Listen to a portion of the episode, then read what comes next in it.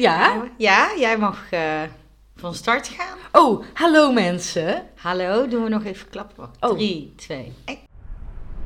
Moord. Lust. Hallo! Hallo lieve mensen. Nou, ik ben aan de beurt deze week. Ja, welkom bij een nieuwe aflevering van Moordlust. Oeh. Waarom heb jij die jingle nooit ingezongen? Ja, ik, ik weet het niet eigenlijk. Was het, ja. Hadden we moeten doen. ja, ik weet niet of mensen dat horen eigenlijk goed. Dat we heel bewust, of de jinglemaker, heel bewust bij moord zo... Eh, zoiets, ik hoop niet dat dit te hard in je, door je speakers gaat, maar heel bewust een moordend geluid heeft. En bij lust... schreeuw, ja. Ja, bij lust hoor je een kreun van porno achter, op de achtergrond. Zo. Ja.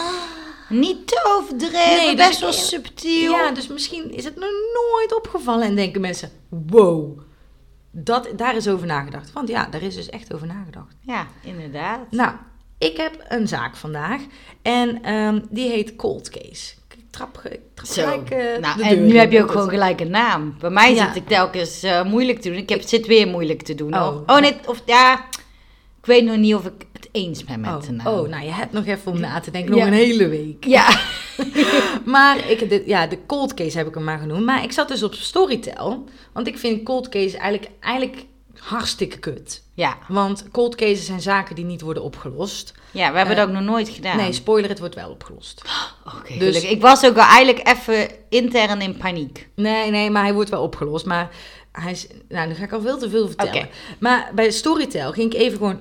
Google, of Google, hoe zeg je dat? Zoeken in het, met het vergrootglasje naar cold case. Of zij ook boeken hadden waar je naar kan luisteren over cold case. Toen kwam ik bij het boek Cold Case. Nou, Nou, Eh, wow. Echt, mind is blown. Die kan je lezen en luisteren. En ehm, ik zal even vertellen waar het dus over gaat. Eh, nou, ze vertellen over allerlei hele grote gebeurtenissen in de geschiedenis op het gebied van moord, verdwijningen en bla bla bla. Mhm. En er staat in de, eh, in de, hoe zeg je dat? Bio? Nee, ja. staat die verhalen en andere kun je lezen in Cold Case, waarin we op zoek gaan naar de waarheid over intrigerende zaken van de beroemdste ontsnappingen tot de, mo- tot de mogelijke vergiftiging van de Franse keizer Napoleon. Nou, en die duurt maar 3,5 uur om te luisteren. Ja, dat is echt iets voor jou. Want ik Ja. pak telkens de boeken van 12 tot Ja. 15 uur. Ik wat heb vaak die spanning helemaal- zijn ook. ja. Of, of ja, Nee, dit vind ik echt ideaal. En toen ging ik ook nog heel even kijken naar de beoordelingen en reviews. Ik heb er drie, drie zijn er die echt iets hebben geschreven ook. Die zeggen, amai, indrukwekkend. oh, Dus alles, ja, Vlaams. vijf sterren van Sandra. Danny zegt, fijn voorgelezen en interessant. En Frans zegt, mooi boek, goed Frans!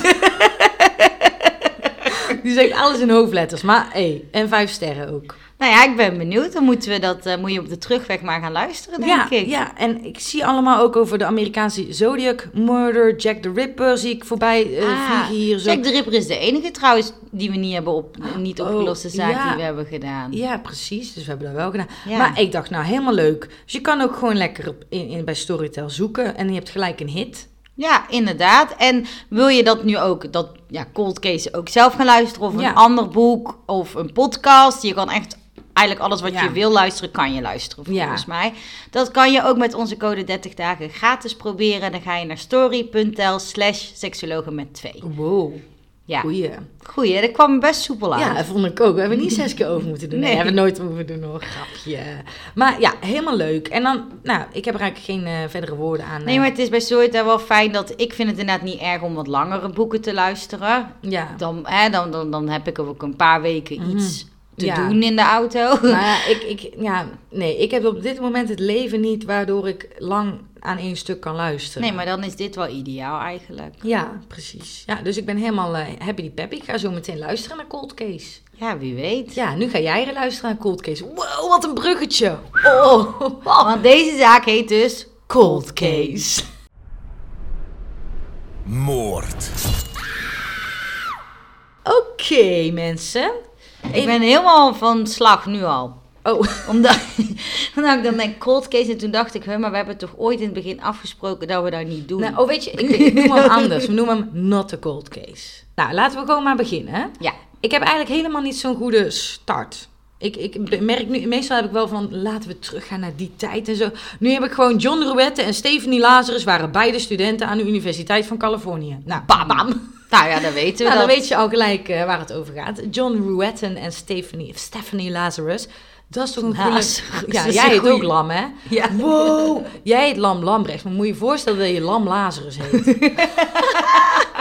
Ik vind het wel een goede achternaam. Ja, ja. Ja. Nou, zou die gelijk overnemen als mijn vriend zo zou heten? Ja, ja, Of precies. Jan je man, maar ja. Ja. Of vrouw. Ja, of je partner. nou, ze zaten dus samen aan de universiteit en daar hebben ze ook elkaar ontmoet. En eh, ze zouden allebei afstuderen, of ze zouden, ze studeerden allebei af in 1982. Dus we gaan een beetje naar de in 1900. Mhm. 1980 is niet, nou goed. Eind 1900. Ja. en eh, John studeerde werktuigbouwkunde en was er ook een major in uiteindelijk. Oh, Dus ik denk dat hij dan ook in het leger is gegaan en dat heeft gebruikt daarin, denk ik. Zoiets. ik, ja. En Stephanie, die, ehm, die, die studeerde polit- politieke wetenschappen. En eh, ze waren beide eigenlijk heel ondernemend, actief en heel erg atletisch. Nou, au, trouwens, op zich ben ik trouwens ook wel ondernemend. Maar vooral dat laatste, erg atletisch zijn. Pff, weet je, dit dat is zo'n- lang geleden. Dit is zo'n koppel, daar word je dan een beetje moe van als je daarnaar kijkt. Die, die gaan dan heel continu dingen doen. En dan, oh, laten we ook gaan hiken voor drie dagen. Ja, want we hebben drie dagen vrij. We kunnen niet op de bank zitten, weet je wel. Deze mensen. En dan eh, continu aan het studeren en dan heel actief bij allerlei groepjes zitten. En nou ja, je snapt wat voor koppel dit was, hè? Ja. Ja, heel actief. Wij vonden het in Leuven al heel wat om bij de studievereniging te zitten. En dat we dan samen ergens een koffietje konden doen. ja, dat was actief dat was genoeg. actief genoeg. En Twee keer in de week yoga en dan was het. Dat, nou, dat, mensen onderschatten yoga, echt hoor. Ja, dat is waar. Dat Want is waar. Ehm, ik denk dat ik ken heel veel mensen die heel goed kunnen sporten in de, in, de, in, de, in de sportschool, wat ik niet goed kan. Maar als je die in een yoga pose zet, die houden dan niet vol hoor, in de, in de Nee, zonnegroet. dat is waar, dat is je waar. denkt van nou... Nou, John en Stephanie, eh, die begonnen toen te daten en ook wat te scharrelen. Ik had er laatst over, sorry, ik, ik ga niet heel de tijd stoppen hoor. Maar je hebt dus, eh, ken jij dit? Dwarrel, kwarrel, scharrel. Ja, ik heb er wel eens van gehoord, maar wat het dan precies is. Kwaliteitsscharrel heb Nou, je. dwarrel heb je, daar begin je eigenlijk mee. Dan Ja. dwarrel je een beetje rond bij elkaar. Zie je elkaar soms op feestjes of weet ik veel wat. En dan denk je van, mm, lekkertje of zo.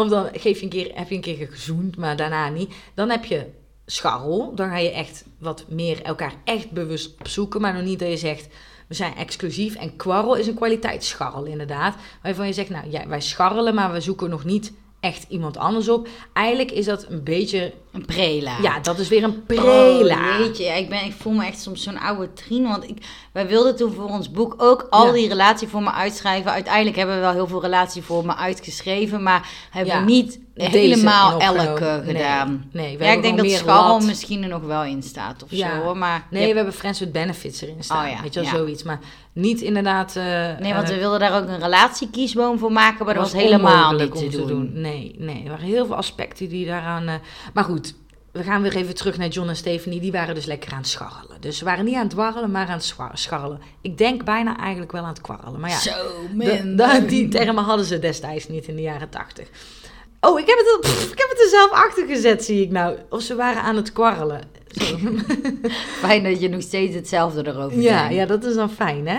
Ehm, maar zij hebben eigenlijk nooit hun relatie ook officieel gemaakt. Dus ik denk daarom ook dat ze meer een prela hadden. Dat ze, weet je wel, heel de tijd gewoon exclusief waren voor elkaar. Eh, Wat een termen allemaal. Jeetje, tegenwoordig kan je gewoon...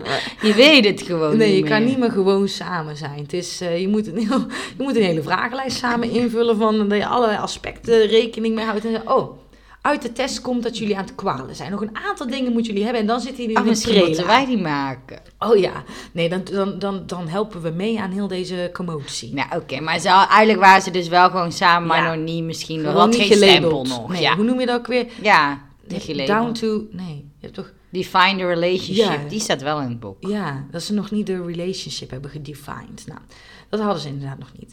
Maar goed, ze waren lekker bezig tijdens de studie en weet ik het allemaal. Lekker aan het dwarrelen. Lekker aan dwarrelen. Ik zie ook van die kippetjes zo. Lekker met zijn chickies, onze John. Nou, later ontmoette John Sherry Rasmussen.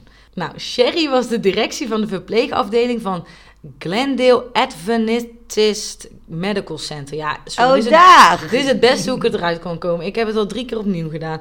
Maar, ehm, en ze werkte daarnaast ook nog op de vloer. Dat had ik ook altijd bij de. Toen, toen ik verpleegkundige was. Dan heb je iemand, en dat is eigenlijk heel fijn, hè?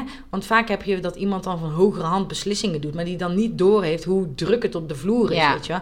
En Sherry wel. Want Oh, dat Sherry deed het ja. beide. Dus dan Ja. kan je ook van hogere hand, dan weet je, ah, Sherry die snapt hoe zwaar het hier is. Die wordt ook soms ondergepoept. Dus die snapt Dan die word je shit. wel meer gewaardeerd ook, denk ik. Ja, en eh, eh, Sherry en John die kregen eigenlijk al heel snel een band. En die gingen ook samenwonen. Ik denk, oh, John is toen totaal onze eh, Stephanie vergeten, volgens Ja. mij. Dus duidelijk eigenlijk aan het dwarrelen geslagen met... maar Stephanie dacht, wij zitten echt in een relatie, maar gewoon niet benoemd, weet je wel. Super. Daarom moet je altijd je relatie definiëren. Ja, of in ieder geval inderdaad het gesprek. Ja, je, ja. je hoeft er geen label op te Nee. plakken, maar dan wel definiëren. benoemen dat ja. er hetzelfde in staat. Anders krijg je dit. Maar ze gingen samenwonen in een appartement in Van Nuys. Dat is in Californië. En toen dacht ik, ah, dat is vroeger gewoon iets Nederlands geweest. Dat denk ik ook, ja. Net als New York, New Amsterdam officieel was. Stephanie had natuurlijk intussen best wel moeite om John los te laten. En die maakte zichzelf eigenlijk een soort van derde wiel in de relatie van Sherry en John weer. Wat Oh, Sherry ja. weer heel ongemakkelijk en onprettig vond. Begrijp Ja, ik maar ja, die snapt ook niet van waar komt zij nou weer vandaan. Ja, waar komt zij nou aangedwarreld hier ineens? En, eh, maar het was zelfs zo erg dat ik denk, huh? Hoe dan? Dat Stephanie, die organiseerde een verjaardagsfeest voor John voor zijn 25e verjaardag. Oh, Moet je je voorstellen dat dan een, een soort ex-dwarrel van jouw vriend... voor jouw vriend zijn verjaardag een heel feest organiseert... waar al zijn vrienden, wel, familie... het is wel makkelijker voor mij, dan hoef ik het niet te Nee, dat is- organiseren. Ja, misschien is dat een verkeerd. Jij zou zeggen, oh chill meid, dankjewel. Maar dit was natuurlijk wel vreemd. Nee, dit is heel raar. Ja, en ehm, op dit feestje heeft ook niet heel tactisch, maar op zich, ja, heeft John aan Stephanie gezegd van ja, het is echt wel heel serieus met Sherry. Dus ik weet niet wat, wat je aan het doen. Dankjewel voor dit feest. Dankjewel dat je de catering hebt betaald en alles hebt georganiseerd. Maar ja, ik vind je eigenlijk helemaal niet leuk. Ehm, nou, dit vond Stephanie niet leuk. Goh. Eh, nee. Maar ja, Sherry vond het ook niet leuk dat Stephanie zo betrokken was. Dus ja, John zat daar. Oh, Helemaal in een liefdestriangel weer. ja, ja. Altijd die triangels. ongevraagd ook helemaal niet. Ja, dat wilde hij helemaal niet. Maar dat is ook wel, denk ik, hij dacht waarschijnlijk: ik heb dit heel duidelijk gecommuniceerd. Ja, Naar beide partijen. Ja. Wat totaal niet zo is, waarschijnlijk, denk ik dan. Nou, eh, maar uiteindelijk was dus de situatie dat niemand tevreden was in dit eh drie spans. Drie, drie Ik was benieuwd wat je ervan zou maken. Nou, ik wilde zijspan zeggen. En toen Oh. dacht tussen, met het woord driewieler. En toen kwam ik daarop. maar niemand was hier in deze driehoeksverhouding. Dat zocht ik ook. Ja, de driehoeksverhouding. Niemand was hier blij mee. En ehm, nou, Stephanie heeft net het nieuws gekregen dus van John van ja, het is echt heel serieus met Sherry. Dus wij zijn eigenlijk minder serieus of eigenlijk Hij woont ook samen Ja, met Sherry. Dus Ja. toch ook, dat, dan denk dat dat vaak toch wel een Zeker in die is. tijd, Ja. toch? Ja, maar Stephanie had misschien ook oogkleppen op, hè? Kan ook. misschien is een huisgenoot of zo. Maar... Oh ja, ja. Waar zou ze dat feest georganiseerd hebben trouwens? Toch ook niet bij hun thuis? Zit Sherry daar ineens? Komt Stephanie binnenwandelen met allemaal taart en slingers. Ja, ik heb een feestje voor John georganiseerd. Sherry zit er van, oké. ehm, Ja, nee, dat is raar. nou, maar Stephanie was helemaal kapot na dit nieuws. En ze was helemaal moedeloos en wanhopig. En toen heeft ze ook een brief geschreven aan de moeder van John. Ook super tactisch. Die kwam ook in het spel. Ja, ineens. en ze schreef, ik ben echt zo verliefd op John. En het afgelopen jaar heeft me, heeft me echt verscheurd. Dus toen dacht ik, hoe lang is zij al in... eh, Heeft zij de ja. illusie dat zij samen zijn? Als je een jaar lang... Of is dit een jaar later pas? Maar dat kan ik me ook niet voorstellen. Dus dit vond ik lastig om in de tijdlijn te plaatsen. En ze zei, ik wou dat het niet zo eindigde. En ik denk dat, dit, dat ik zijn beslissing ook nooit zal begrijpen. Want zij voelde natuurlijk dat John alles voor haar was. Nou, de, de relatie van Sherry en eh, John die werd nog serieuzer. En ze hadden ook trouwplannen gemaakt. Maar eh, Stephanie die zocht nog steeds heel veel contact met John. Het allemaal nog complex maakte, dat je trouwplannen maakt. En ondertussen komt iedereen gelijk, of komt één vrouw heel tijd bij je thuis feestjes organiseren en zich bemoeien. Je En- moeder brieven ja, brieven schrijven. schrijven, weet ik het allemaal. Nou goed dat dat niet in deze tijd is gebeurd trouwens. Had ze nog meer materiaal om eh, Oh ja. te mailen en eh, locatie. eh, FaceTime, appen. ja, Skypen, Zoomen, Meets, al- Alles. alle platforms. Maar John had toen bedacht van nou, als ik nog een keer met Stephanie zou afspreken, eh, dan kunnen we het echt goed afsluiten. Oh ja, slim. Dat is altijd handig natuurlijk. Ja. En dan we dan gaan seksen, dan is het helemaal goed afgesloten. Oh, oh ja, even die seks met je ex. Maar het was niet officieel je ex, maar toch wel. Ja, ja, dus, eh, maar ja, John hoopte dat dat echt helemaal de closure zou zijn die, die ja, Stephanie wilde. ja, die, nee, die Sherry eigenlijk ook wilde natuurlijk. En Ja. die Stephanie nodig had misschien. Maar ja, sorry hoor, als je al een jaar met een soort van ja, ex rond aan het hangen bij jou in je huis, aan het, en dan snap je toch ook wel als je haar dan seks geeft. Of Ja. geeft, dat klinkt zo stom, maar dat dat dan niet zegt, dat, ze- dat Stephanie zegt, "Oh, nou, John, hier heb ik echt tijd op gewacht, dankjewel. Nu ben ik er klaar nu mee. ben ik er helemaal klaar mee. Seks zo slecht. ja. Dat is waarschijnlijk niet, ik bedoel, dat zie je dan het eerder van, ah, mijn werk wordt beloond, ik ga nog meer doen. Ja, ja. Toch? Nou ja, dat gebeurde ook. Want eh, wat John dus hoopte, gebeurde dus helemaal niet. Want John is niet zo tactisch. nee, Stephanie die ging nog meer contact zoeken en nog meer Ja, rondhangen die dacht bevestiging. Ja. Hij wil nog met me naar bed. En ja. ik heb kansen, weet je wel. Nou, eh, het, constante, het constante contact van Stephanie naar John, die, dat baarde Sherry natuurlijk zorgen. En ze had ook nog die trouwplannen. En dan denk je ook, ja, ik snap wel dat je dan er steeds meer klaar mee bent. En ehm, John die zei steeds, nee, het is echt puur vriendschap. Dus toen dacht ik ook, John, zeg gewoon tegen Stephanie dat het klaar is. En ook niet vriendschap, hak die knoop door. Ja. Ja, hij dat is een haalt het beetje ook- triest van hem. Ja, hij haalt hier toch ook niks uit. Ik bedoel, dit is toch ook vermoeiend voor hem. Ja, ja. En die Sherry zal ook wel dat tegen, ze, tegen me aanlopen zeuren. Ik, dat snap ik ook, maar daar zou ik dan toch ook wel vanaf willen zijn. Ja. Ja, want John die voelde dit echt als vriendschap en Stephanie natuurlijk ware liefde. Ja, ik vind dat John ook Ja. Stephanie had moeten beschermen hierin. Ja. Van, meid, ik weet dat, jij, dat ik de ware voor, voor jou ben. Ik snap ook niet waarom. Maar... Nee, ik ook niet, maar ik, jij bent het niet voor mij. Er zijn nog 5799 andere ware liefdes op de wereld. Ga even verder zoeken. Ja. Alsjeblieft. Maar ja, dat deed hij ook niet. Nou, ja, goed. En eh, Stephanie werd steeds verliefder op John. Ik weet, nou, ik denk dat ze al aardig verliefd was, maar het werd ook alleen maar erger. Maar dat is ook logisch natuurlijk als ze niet kan krijgen wat ze wil en wel heel de tijd hem in het oog houdt en dan ook nog een keer Bevestiging ja, soort die van seks heeft gehad, Ja. wat waarschijnlijk ook hartstikke lekker was, denk ik. Ja. Toch? Ja. Al was het ruk, dan nog vond Stephanie het fijn. Want zij zit helemaal in die gedachte, John is alles. Ja. Op een gegeven moment eh, kwam Stephanie zelfs naar het kantoor van Sherry toe... om haar te vertellen, als ik John niet kan hebben, dan mag niemand anders John hebben. Nou, Oh. Die uitspraken kennen we, hè? Ja, dat zijn gevaarlijke. Die, dat is... Nou, oh my god, dat heb ik overgeslagen, joh. Dat John een, een baan nam als hardwareontwikkelaar en Stephanie werd politieagent bij de LAPD. Belangrijk punt. Belangrijk, gewoon heel belangrijk. maar ja, goed, zij deed deze uitspraak. En nou ja, je weet als je bij. Nu kom ik er dus op. Want je weet als je bij de politie werkt. dat dit gewoon als dreigement natuurlijk over Ja. kan komen. Dus dat is helemaal niet, helemaal niet slim. En dit ging ook natuurlijk steeds meer op stalken lijken. Dus Stephanie, die bij de LAPD werkt. die had wel even beter moeten weten. Sorry. Ja, was niet erg tactisch van Nee, haar. nee. Nou, ehm, ondanks dat Sherry zich eigenlijk heel veel zorgen ook begon te maken, steeds meer van het gedrag van Stephanie en stalken en zo, vertrouwde ze John er wel op, op zijn woord, want ze ging ook met hem trouwen. ehm, van oké, dit, dit zal inderdaad zo zijn en ik, ik laat het maar zo. En ze trouwden uiteindelijk in november 1985. Oh ja, dus drie jaar later dat Stephanie en John elkaar hebben ontmoet. Ja. Oh ja, ja. Helaas konden ze maar drie maanden genieten van een huwelijk. Oeh. Toen het noodlot toesloeg. Ta, ta, ta. Want eh, op 24 februari 1986 twijfelde Sherry of ze naar haar werk zou gaan.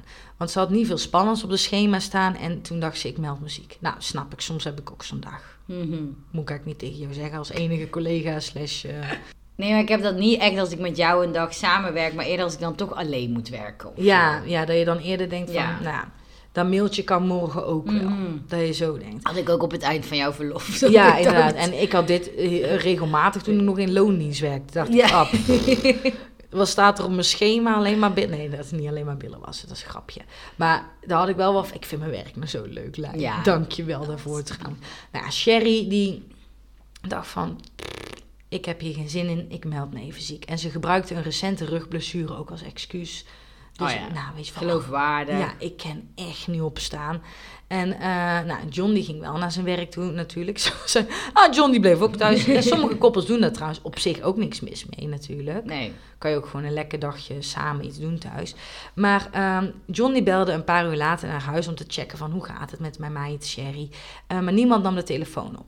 En toen probeerde hij eh, het werk van Sherry. Want misschien was ze, was ze uiteindelijk toch naar werk gegaan. Ja, van, of was ze opgepiept of zo. ja, oh, want het is toch wel echt heel belangrijk. Je hebt je rug niet nodig, kom hierheen. Ja. Kom niet liggend aan, maar mij het uit. dat ze echt zo'n kantoor gaat liggen zo. Sorry, super flauw. Ehm, maar eh, ook daar was ze, was ze niet te bereiken. Ehm, en hij bleef thuis ook nog een aantal keer bellen, maar er kwam steeds geen antwoord. Nou, John die was hartstikke bezorgd. Ehm, maar toch ging hij zijn zorgen negeren en vervolgde hij zijn dag. Nou, kun je zeggen, doe dat alsjeblieft nooit. Nee. Toch? Je nee. moet dan ja, gewoon... maar ja, misschien voel dit denk je van, nou, het zal wel. Je gaat niet gelijk van het ergste uit, denk ik. Nee, nee, dat is waar. En dan ben je zelf ook nog aan het werk. Ik weet niet. Nee, ja. Ja, ja, dat is waar. Maar je hebt wel altijd dat je dan deze dingen leest en dat je dan denkt, had je maar. Ja. En je wil gewoon voorkomen dat je er... Maar ik denk dat het nu ook anders is. Want dan werd je gewoon alleen gebeld. Mhm. En dan nam iemand niet op en dacht je, nou oké. maar nu is het natuurlijk wel met een appje of zo... dat iemand altijd dan wel vaak nog een keer iets terug kan appen. Ja. Even snel Ja. of zo. Maar als je bijvoorbeeld al geen vinkjes en zo meer ziet, Ja. dan, dan zou ik toch wel gaan checken. Als jij daar ooit mee... Je mag altijd je werkdag stoppen en dan gaan we er samen heen. Is Om ergens heen te kijken. Van, is alles oké? Ik heb liever dat we dan een keer extra doen dan te laat. Nou, ik had dat laatst wel bij een van mijn vriendinnen die in Colombia zat. Oh en ja? die was Oeh. even vergeten te zeggen dat ze op een hike was van vier dagen. Oh waar in de jungle. Oh. En toen heb ik inderdaad toch wel... Toen zei ze later eens terug van... Oh ja, ik had ook wel naar jou kunnen sturen. Ja, ja, Bedankt. oh. Ja, eigenlijk moet er gewoon in je, in je bio staan van WhatsApp. Van, ik ben drie dagen dat, niet dat, meer bereikbaar. als, je het dan niet, als het dan niet aankomt, dat je dat krijgt. Zo van, hallo, ik ben inderdaad even Ja, niet bereikbaar. Automatisch. Nou, Ja. dat Maar is ook gevaarlijk. Als ik jou Ja. ontvoer, kan ik dat gewoon neerzetten. Ja, inderdaad. En dan weken weg. En dan zegt iemand, oh, hadden helemaal niet door. Maar Anne, die, die was even op een sabbatical, zei ze. Had ze nodig de tijd, dus we lieten haar met mijn rust. Ja, bam. Nou, nee, dat moeten we ook niet doen. Nou, maar John die bleef dus gewoon werken en die vervolgde zijn dag en die, eh, die maakte zijn dag dus ook af. En die ging toen naar huis. En thuis zag hij gelijk van, "Mm-mm, dit is niet oké. Want de voordeur die stond open en de garagesdeur stond open. Nou ja, dat is niet... Doe je meestal niet. Nee, nee. Toen hij naar binnen was, was voel, voelde het ook vreemd aan. Weet je, dat je soms zo'n raar gevoel hebt ook. En uiteindelijk zag hij ook dat het antwoordapparaat niet was geactiveerd. Terwijl ze dat elke dag deden samen. Mhm. was denk ik iets tussen, tussen Sherry en John. Dus elke, elke dag even klik, het antwoordapparaat aan. En dat stond dus nu geacti- niet geactiveerd. Op zich logisch, want Sherry was natuurlijk gewoon thuis. Maar ja, als ze weg was geweest, had ze dat natuurlijk gedaan gewoon. Dus Ja. dat waren allemaal belletjes voor hem. En toen zag hij op een gegeven moment ook een bloederige handafdruk naast de paniekknop. Nou, dat was dan helemaal natuurlijk ook paniek voor hem. En toen keek hij verder. Het was een soort van in fases, hoe erg hij zag. Elke keer een stapje verder, want Ja. toen keek hij weer verder. Zag hij overal gebroken voorwerpen door de kamer heen liggen. Nou, dan ga je ook wel denken. Ja, en toen liep hij verder door een huis. En toen uiteindelijk zag hij Sherry dood eh, op de woonkamervloer liggen in haar, ochtend, eh, in haar ochtendjas. Oei. Ja. En ze was eh, door drie kogels, ge- door drie kogels doodgeschoten. En er werd later ook nog een beet gevonden op haar arm. Ehm, nou, gelijk natuurlijk politie gebeld. En die kwam bij, het- bij hun thuis. Ja. En die hebben allemaal dingen afgenomen. Ook van die beet is een afdruk genomen. En met een wattenstaafje is een swab ervan gemaakt. En ehm, onderzoek werd gedaan door de LAPD. En zij oordeelde eigenlijk al snel dat John het slachtoffer was geweest van een inbraak. Ehm, en tijdens een buurtonderzoek gaven de buren aan dat ze heel veel geschreeuw en geruzie hebben gehoord. Mhm. Maar dat ze toch niet de politie hadden gebeld. Nee, Sherry was het slachtoffer geworden van de inbraak, toch? Ja, ja, ja John Oh, en Sherry. ja. Ja, dat is hun nee, huis. ja, nee, ik dacht even, is John nou ook in deze Nee, nee, nee, sorry. Nee, John en Sherry zijn, maar ja, Sherry is daardoor Ja. ook dood. Dat is eigenlijk eh, van, ach ja, er is ingebroken. Oh ja, een vrouw, dat is eigenlijk een eh, bijwerking daarvan. Ja. Een neven, nee, nou, nevenschade. ja, hoe zeg je? Nee, dat is niet het woord, maar goed. Ehm, Bijkomstigheid. ja, ja, is er niet iets positiefs? En bijkomstigheid, ja. Dat kan denk ik ook negatief. Volgens mij is het best neutraal. Meestal zeg je een leuke bijkomstigheid. Ja. Dan is het positief. Nou, dit is een negatieve bijkomstigheid. Mensen horen ons zo vaak ook naar woorden zoeken in deze ja, podcast. het is niet normaal. Mensen zitten dan hier thuis naar te luisteren en denken... meiden, alstublieft zeg. Maar goed, de LPD had dus gewoon besloten van... dit is inbraak en that's it. Was Stephanie daar ook bij? Ja, want die zat er, ja, niet Maar ik bij weet het niet of- onderzoek. Nou, ik wou zeggen, dat zou helemaal was. Ja, maar ze zat... Ja, de LPD is natuurlijk best wel Los Angeles Police Depo- Depo- Heel Department. groot. Ja. Best wel groot natuurlijk. Ik wilde dat zo cool zeggen. Komt die die er net kut uit, Ja, hè? ik wou zeggen, Oh, shit. het, het lullen maar overheen. Dankjewel. Maar ehm, ik wil ook nog even over die buren. Ehm, als je dat hoort, bel wel de politie. Maar ik heb zelf ook een keer in zo'n situatie gezeten. Hè? En toen dacht ik echt de volgende dag... oh, er zal toch niet meer gestorven zijn. in me. Achteraf gezien had ik de politie moeten bellen. Maar ik was bang. Het was s'nachts in Eindhoven. Mhm. En ik woonde toen in een appartementencomplex. En twee verdiepingen onder mij... daar was al een beetje zo'n grimmig huishouden. Dat je niet denkt van... daar wonen gelukkige mensen. Nee. Als de deur open ging, kwam er echt een walm aan wiet en weet ik het wat uit. Gewoon letterlijk ook de rook kwam eruit. Alles was afgeplakt met van die gordijnen, dat je gewoon een paar lappen stof hebt, weet je Mhm. wel. En het was gewoon niet te vertrouwen. En een keer s'nachts ehm hoorde ik gewoon dat er echt, ze hadden mega erg ruzie, maar dat er gewoon tegen de eh, verwarming aan werd geslagen met iemand. Dus Mhm. hij, ik denk, dit is mij aan, dat hij haar zo met haar hoofd zo tegen de verwarming aan. Want die verwarmingsbuizen zitten in appartementen natuurlijk allemaal Ja. aan. Dus ik hoorde door mijn verwa- verwarming die trillingen en die klappen en het gegeel. En ik heb niet de politie gebeld. Oeh. Omdat ik dus bang was, ja, weet je, dan ben je ook jong, hè. Maar omdat ik bang was dat ze erachter zouden komen dat ik heb gebeld. En dan moest ik helemaal, werd ik helemaal betrokken in dat onderzoek. En dat ik dan de volgende keer Ja, dat snap ik dat ik dan niet meer veilig thuis voelde, weet je wel.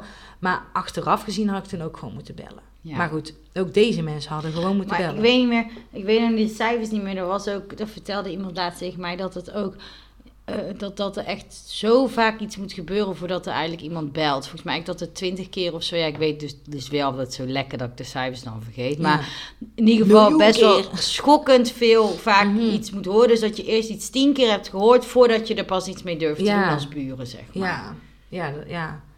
Of twintig keer. In ieder geval veel. Ja. veel te vaak. Eigenlijk zou vaak het gewoon na één keer al moeten. Maar dat, ik, dat voel je je dan niet helemaal Nee. gemakkelijk bij. Of dan je denk je je vaak nog... ook te overdreven. Dat je Ja. denkt, oh ja, maar Of dan misschien... denk je, oh, misschien is gewoon eh, de plant hier omgevallen of zo. Mm. Ja. Hebben we dat een keer eerder hier besproken? Waar was dat nou? Ik heb dat volgens mij in een andere podcast een keer gehoord. Dat ze toen, eh, dat buren hadden gebeld en dat iemand gewoon een game aan het spelen was. Oh, ja dat, ja, dat heb je wel eens verteld, maar niet Ja. hier volgens mij. eh, zo'n zo'n slachtingsgame, dat je zombies moet. En er was allemaal gegeel en echt een, het geluid van dat je iemand zijn keel doorsnijdt. Zo en continu, weet je, alsof iemand de hele tijd werd neergestoken en geschreeuw. En die mensen hebben toen gebeld van ja. Ja. En daar kwam de politie en toen kwamen ze gewoon een game in de puber tegen. Zeg maar.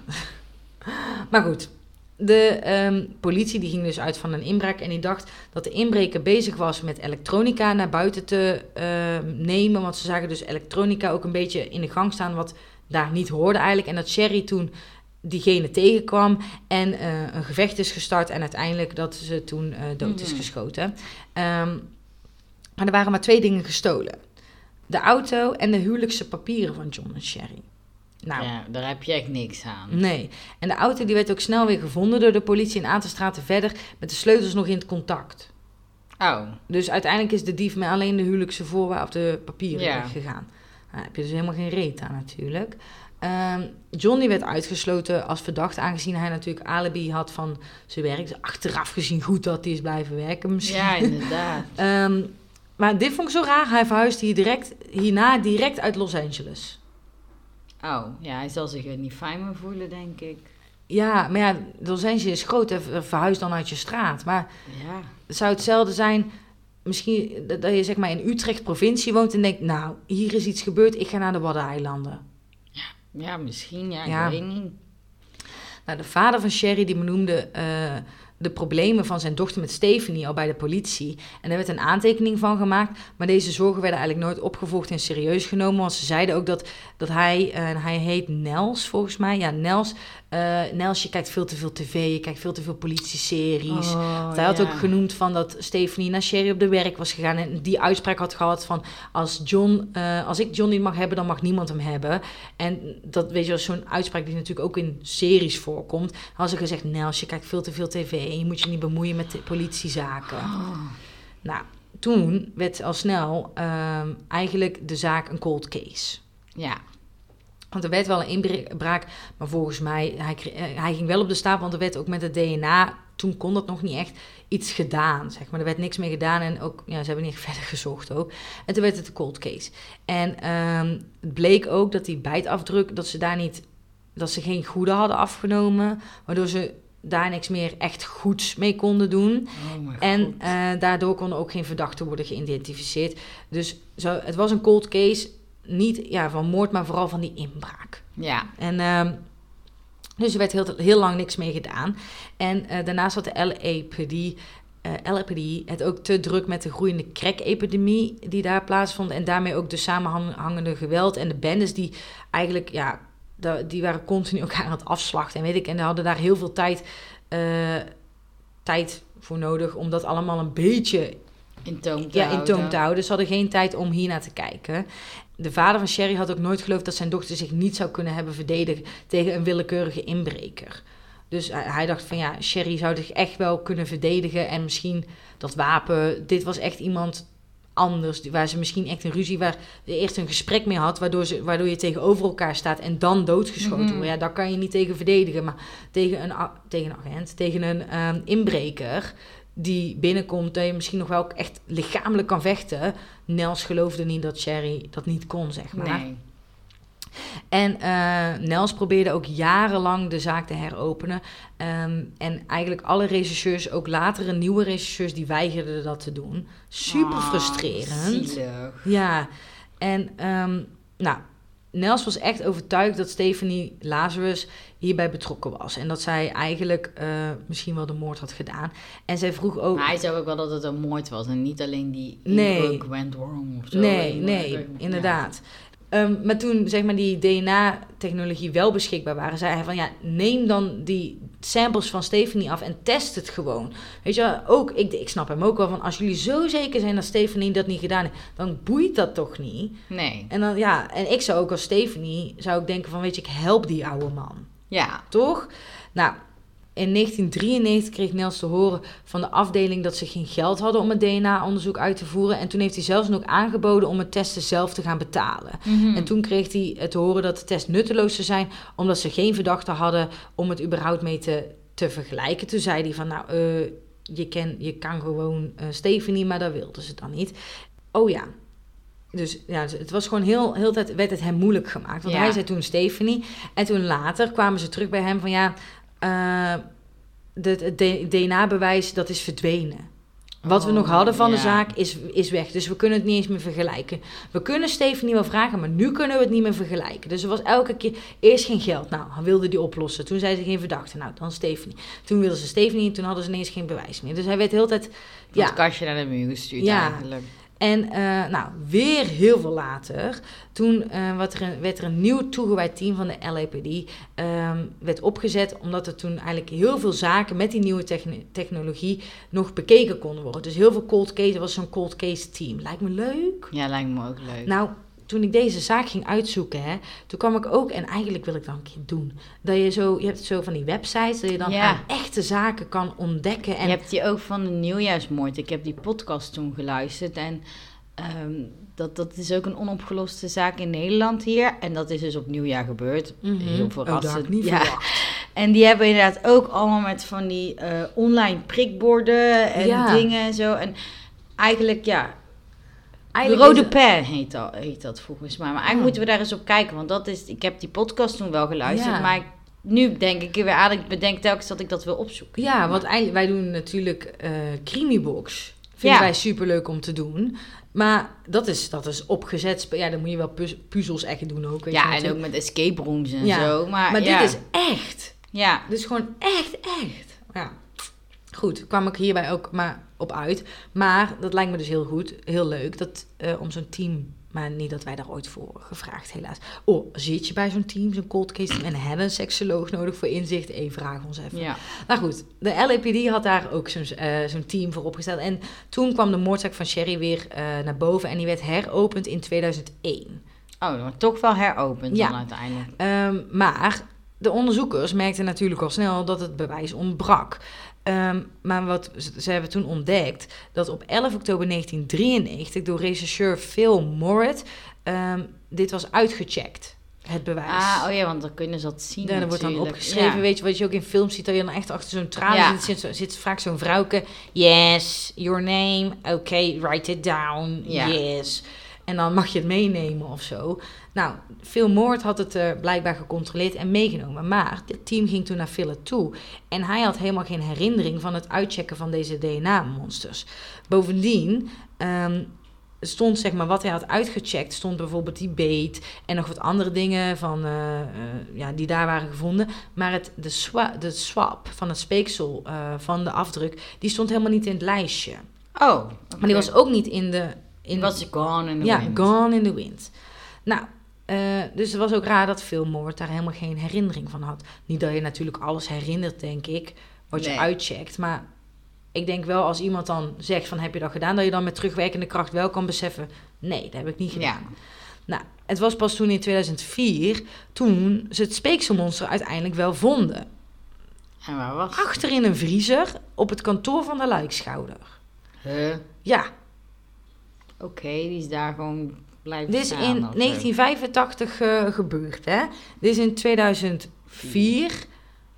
Oké. Dat je gewoon bijna ja, 20 jaar later nog steeds een speekselsample achter in je vriezer. Dan, sorry hoor, maar er zit toch altijd een sticker op dat je dat maandelijks moet controleren of zo. Ja, ik weet het. Ik moest in het ziekenhuis eh, de vriezers qua medicatie moest je elke maand, eh, of nou wekelijks trouwens, controleren.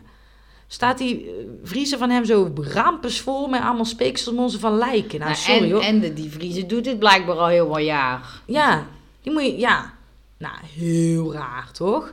En het monster was gewoon ook nooit, zeg maar, in het dossier geplaatst. En was daar gewoon in de vriezer neergezet en that's it. Ja, Dus, en de lijkschouder heeft dat ook niet ergens neergezet.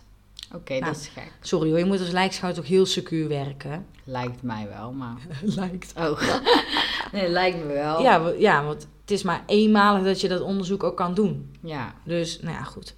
En eh, toen later werden toch nog ook die bijtvlek ook beoordeeld.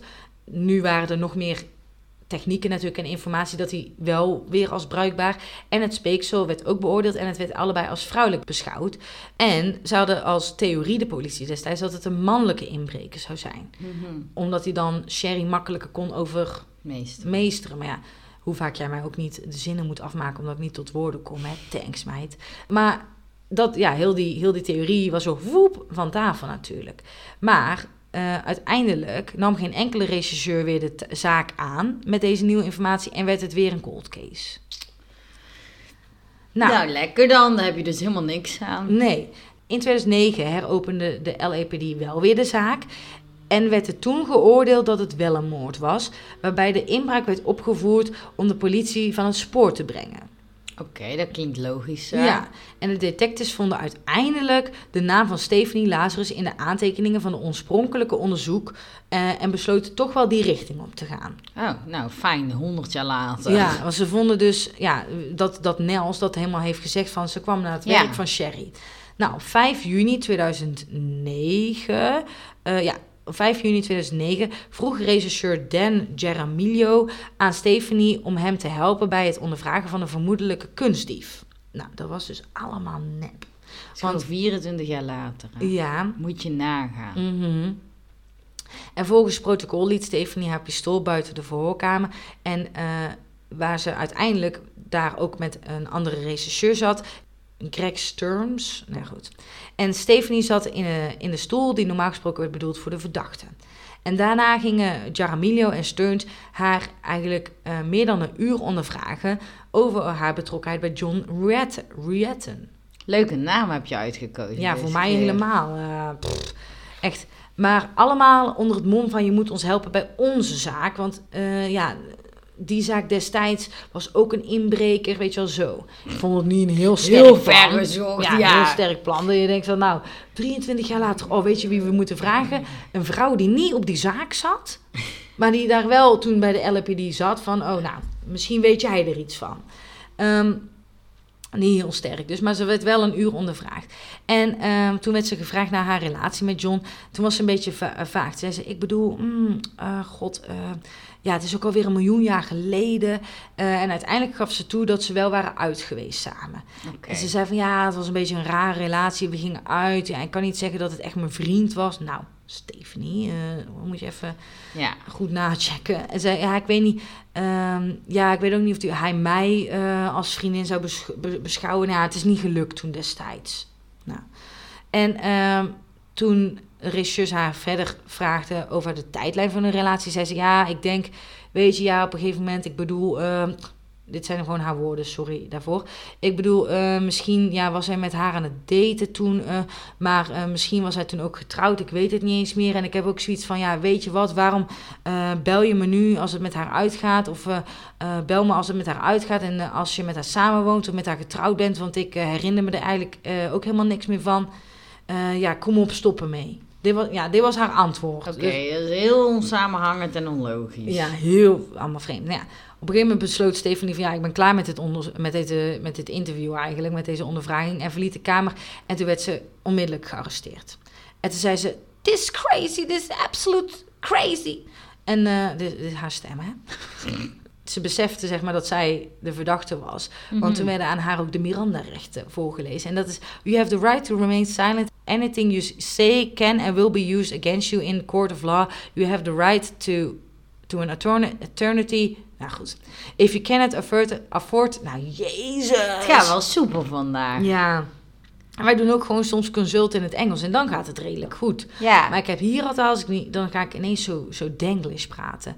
If you can, cannot afford an eternity... Nou, dat one will be provided for you. Ik vond het een keer leuk om die Miranda-rechten te zeggen. Nu heb ik spijt van dat ik het erin heb gezet, maar ik vond het leuk om te vertellen. En die komen trouwens van een zaak waarbij Miranda uh, tegen, de, tegen de staat Amerika eigenlijk in koord was. En dat zij dus nooit heeft geweten dat alles wat zij zei tegen haar gebruikt kon worden. Dus daar is dat ah. ontstaan. Even leuk weet Leuk weet ja. ja. Uh, maar toen besefte Stephanie natuurlijk, oeh, dit is menens. En wat er dus was gebeurd, is dat zij had een koffiekopje.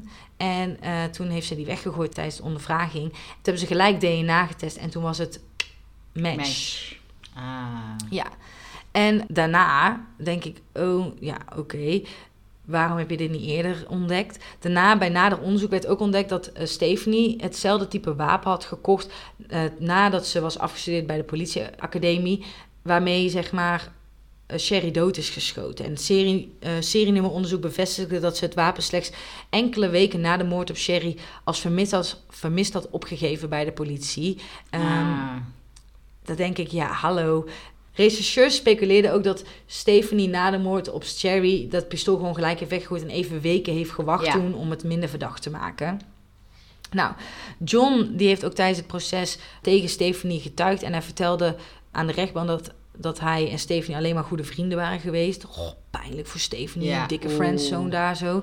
En hij verklaarde ook, we zagen elkaar af en toe... en bij sommige van die gelegenheden hadden we ook gemeenschap gehad. Oké, dat is wel Hij voegde eraan toe, ik heb altijd duidelijk gemaakt dat we gewoon vrienden waren... en dat het niets in richting van een huwelijk ging. Stephanie kon tijdens de rechtszaak niet kijken naar trouwfoto's die van John en Sherry werden getoond. En er was bewijs genoeg om Stephanie nou, als moordenaar nu te bestempelen, of bestempelen, te berechten uh, op uh, Sherry Rasmussen. En uh, ze werd veroordeeld op moord met voorbedachte raden en veroordeeld tot 27 jaar tot levenslang in voor de California Institute for Women. En ze um, heeft verschillende keren uh, geprobeerd om in beroep te gaan tegen haar zaak. Maar de rechtbank hebben, heeft haar veroordeling gewoon bevestigd en daar nooit meer ja. uh, verder iets mee gedaan. Ik denk ook dat ze geen politieagent meer mocht zijn. Nee, ja, nee, de, nee dat kon ze niet meer. En uh, nu wordt eigenlijk ook aangenomen dat bij het eerste onderzoek eigenlijk meteen eh, het onderzoek met opzet is mislukt, omdat de politie van Los Angeles Stephanie wilde beschermen. Oeh, oh, complot. Ja, dus dat is. Oké, dat was hem. Ja, en het is dan nog steeds niet vrij natuurlijk. Nee, nee, nee, nee, nee. Ik heb ook nog foto's. Zij ziet er ook echt zo in de rechtszaak met zo'n oranje eh, Mhm. eh, pak aan. En ze kijkt altijd met van die open gesperde ogen. Nou, weet je wat ook is? Volgens mij zetten die criminelen ook altijd gewoon op hun slechts op de foto. Weet je, als je normaal naar een feestje gaat en je staat met je ogen dicht, zeg je, ach, doe even die foto even opnieuw. Maar bij die criminelen denken ze, yes, ze kijken als een debiel. Ja. Dan, ehm, dan hebben we een goede foto. ja, maar dan moeten we net, dan dan komt die in de post wel weer op Ja, Instagram. ja. Nou, bedankt. Maar ik ben blij dat het dus geen cold case gebleven Nee, is. nee, opgelost. Opgelost. Not Die stempel Oh ja. opgelost. Nou, dat was hem. nou, thanks. Arme John ook wel, hè? Ja. Hij probeerde het echt. Hij dacht echt dat hij het duidelijk had gemaakt. ja. Nou, Nou, dus niet. je moet het echt duidelijker waar. Ja. Ja. Oké, nou dan gaan we naar het lustgedeelte. ja. Lust.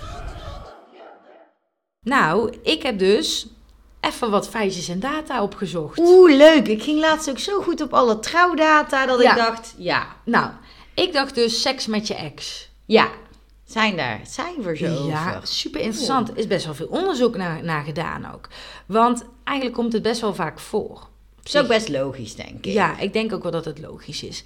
Eh, want uit onderzoek eh, kwam voor dat uit gescheiden stellen...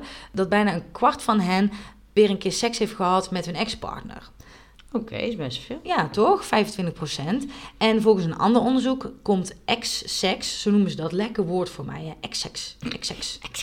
Ex-seks nog vaker voor onder ongetrouwde jongvolwassenen. Want dit ging over getrouwde stellen trouwens, hè? Ja. echt gescheiden stellen. En dat het nog vaker voorkomt bij onder niet getrouwde jongvolwassenen die net uit elkaar zijn. Ja, dat, ja, is ook wel logisch, want dan kom je elkaar misschien toch naar, met uitgaan of zo weer tegen. ja, of dan... want getrouwde mensen die gaan niet uit, Nee. zie mij. Maar je- nee, maar je zegt toch jong volwassenen? Ja. Dan denk ik, ja. Ja, nee, nee, dat vind ik ook logischer eigenlijk. En ehm, het psychologische effect van ex-seks bleek volgens een onderzoek uit 2012, waar 131, 137 mensen aan meededen, niet schadelijk te zijn. Want vaak wordt er toch wel gedacht dan dat je meer spijt krijgt of meer hartzeer hebt of zo. Sterker nog, het was eigenlijk, er was geen enkele link te leggen tussen angst en stressgevoelens. Zelfs niet bij de mensen die nog moeite hadden na hun break-up om dat te accepteren. Hmm. En ehm, zelfs bij sommige mensen van dit onderzoek waren de angstgevoelens juist minder na een avondje herinneringen ophalen tussen de lakens. Oké, ja, ik denk dat... Misschien- Kijk, ik denk ook wel... Kijk, ik snapte John's theorie ook wel, dat hij dacht van voor de afsluiting, maar dat was waarschijnlijk voor hem een soort je afsluiting. moet wel beide. Ja, want dan kan ik kan me wel voorstellen dat het dan dat het fijn is dat, dat je toch het gevoel hebt van, nou, we hebben het toch op die manier afgesloten. Maar Ja. als de ander inderdaad nog hoop heeft en denkt van, oh, daar komt diegene terug, Ja. dan snap ik dat het wel wel stress op zou Ja, kunnen ja. leveren. Ik denk ook een goede tip, even tussendoor tussen de data, is als je dit doet, en die kans is groot dat je het een keer doet of gaat doen, eh, of hebt gedaan, nou ja goed, dat je wel aan je ex ook duidelijk maakt, dit is gewoon puur seksueel. Want dan kan je er helemaal van genieten. Hè? Dan, bedoel, dan weet je precies... Chiller om misschien met, met Ja, een ex dan hebben die dan met een stands, stand. ja. Ja. die eh, soms echt niet luisteren naar wat je wil en denken van nou, ik wil gewoon mijn ei kwijt. Maar als je met je ex, dan heb je toch wat meer dat je denkt, oh, we kennen elkaar hierin. ja. En dat je toch meer, en dan geeft dat nog misschien nog meer vrijheid, want je hebt niet nog de lasten van de relatie, dan letterlijk alleen de lusten natuurlijk. Ja. Dan moet je er wel allebei overeen komen met die gedachten. Nou, er was ook nog een ander onderzoek. En eh, er waren 372 mensen tussen de 18 en de 65 jaar. Ik denk zo brede. Lekker brede range. Ja, met eh, als enige vraag hoe, hoe vaak het mensen lukt om seks te hebben met een ex-partner. Mhm. Een be- beetje een raar gestelde vraag. Ja. Nou. En de meeste deelnemers hadden geen moeite om weer het bed in te duiken met hun ex. Bijna 9 van de 10 keer dat mensen ex-seks probeerden te hebben, gebeurde dat ook. Dus dit onderzoek ging eigenlijk meer naar van... oké, als je dus bij je ex gaat proberen van... hé, hey, schatje, wil je nog een keer? Of hé, hey, zullen we? Dat het dan ook 9 van de 10 keer gebeurt. Dat had ik niet verwacht dat het zo hoog zou zijn. Nee, vooral bij die 65-jarigen. Toen je ex van, eh, toen, je, toen je 18 was of zo. Maar Hey. ja, dat het dus best wel... Maar ik denk hier ook bij... dat als jij je ex vraagt... dat komt ook niet uit het niets. Nee. Denk ik. Nee, Toch? als je ook heel slecht uit elkaar bent gaan en elkaar niet meer spreekt of ziet, dan... Dan heb je denk- daar ook geen zin in. Nee, maar dan denk ik ook dat, dat die ander denkt, wat de fuck. Ja, daarom. Dus dat Ja. is die 1 op 10. Waarvan iemand helemaal tactloos gewoon na een vechtscheiding van 10 jaar zegt... hey, de scheiding ligt achter de rug, zullen we even? Ja. Ja. onhandig. Maar ik denk dat bij 9 van de 10 het meer ook is dat je voelt van... Oké, we zijn uit elkaar. De ruzie is, misschien ook met ruzie, maar dat is nu een jaar geleden. Of weet ik veel, dat is echt gekalmeerd. En nu zien we elkaar weer en voelen we wel die connectie. Laten we en dat je dan meer een positief effect Ja. hebt. Misschien wel. Nou, dat waren de onderzoeken. Nou, leuk. Ik vind het wel leuk dat ze daar onderzoek naar doen. Ja, en er waren nog meer onderzoeken, maar ik dacht, ik hou het even Ja, we gaan niet alleen maar alle data. Nee, nee, maar ik denk oprecht dat ex-seks niet eens een heel slecht idee is. Nee. Want je hoort wel ook vaak, dus niet uit een onderzoek, maar ook gewoon in je omgeving, dat ex-seks ook wel als heel positief wordt ervaren. Ik heb eigenlijk nog nooit echt gehoord van dat je dan twintig stappen terug doet of zo.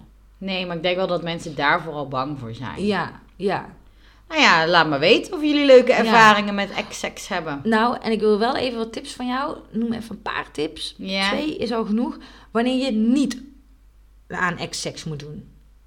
Nou, ik denk dat je dat niet moet doen. Misschien één tip wanneer, die, wanneer je diegene eigenlijk helemaal niet meer eens wil zien of daar niet overheen kan komen.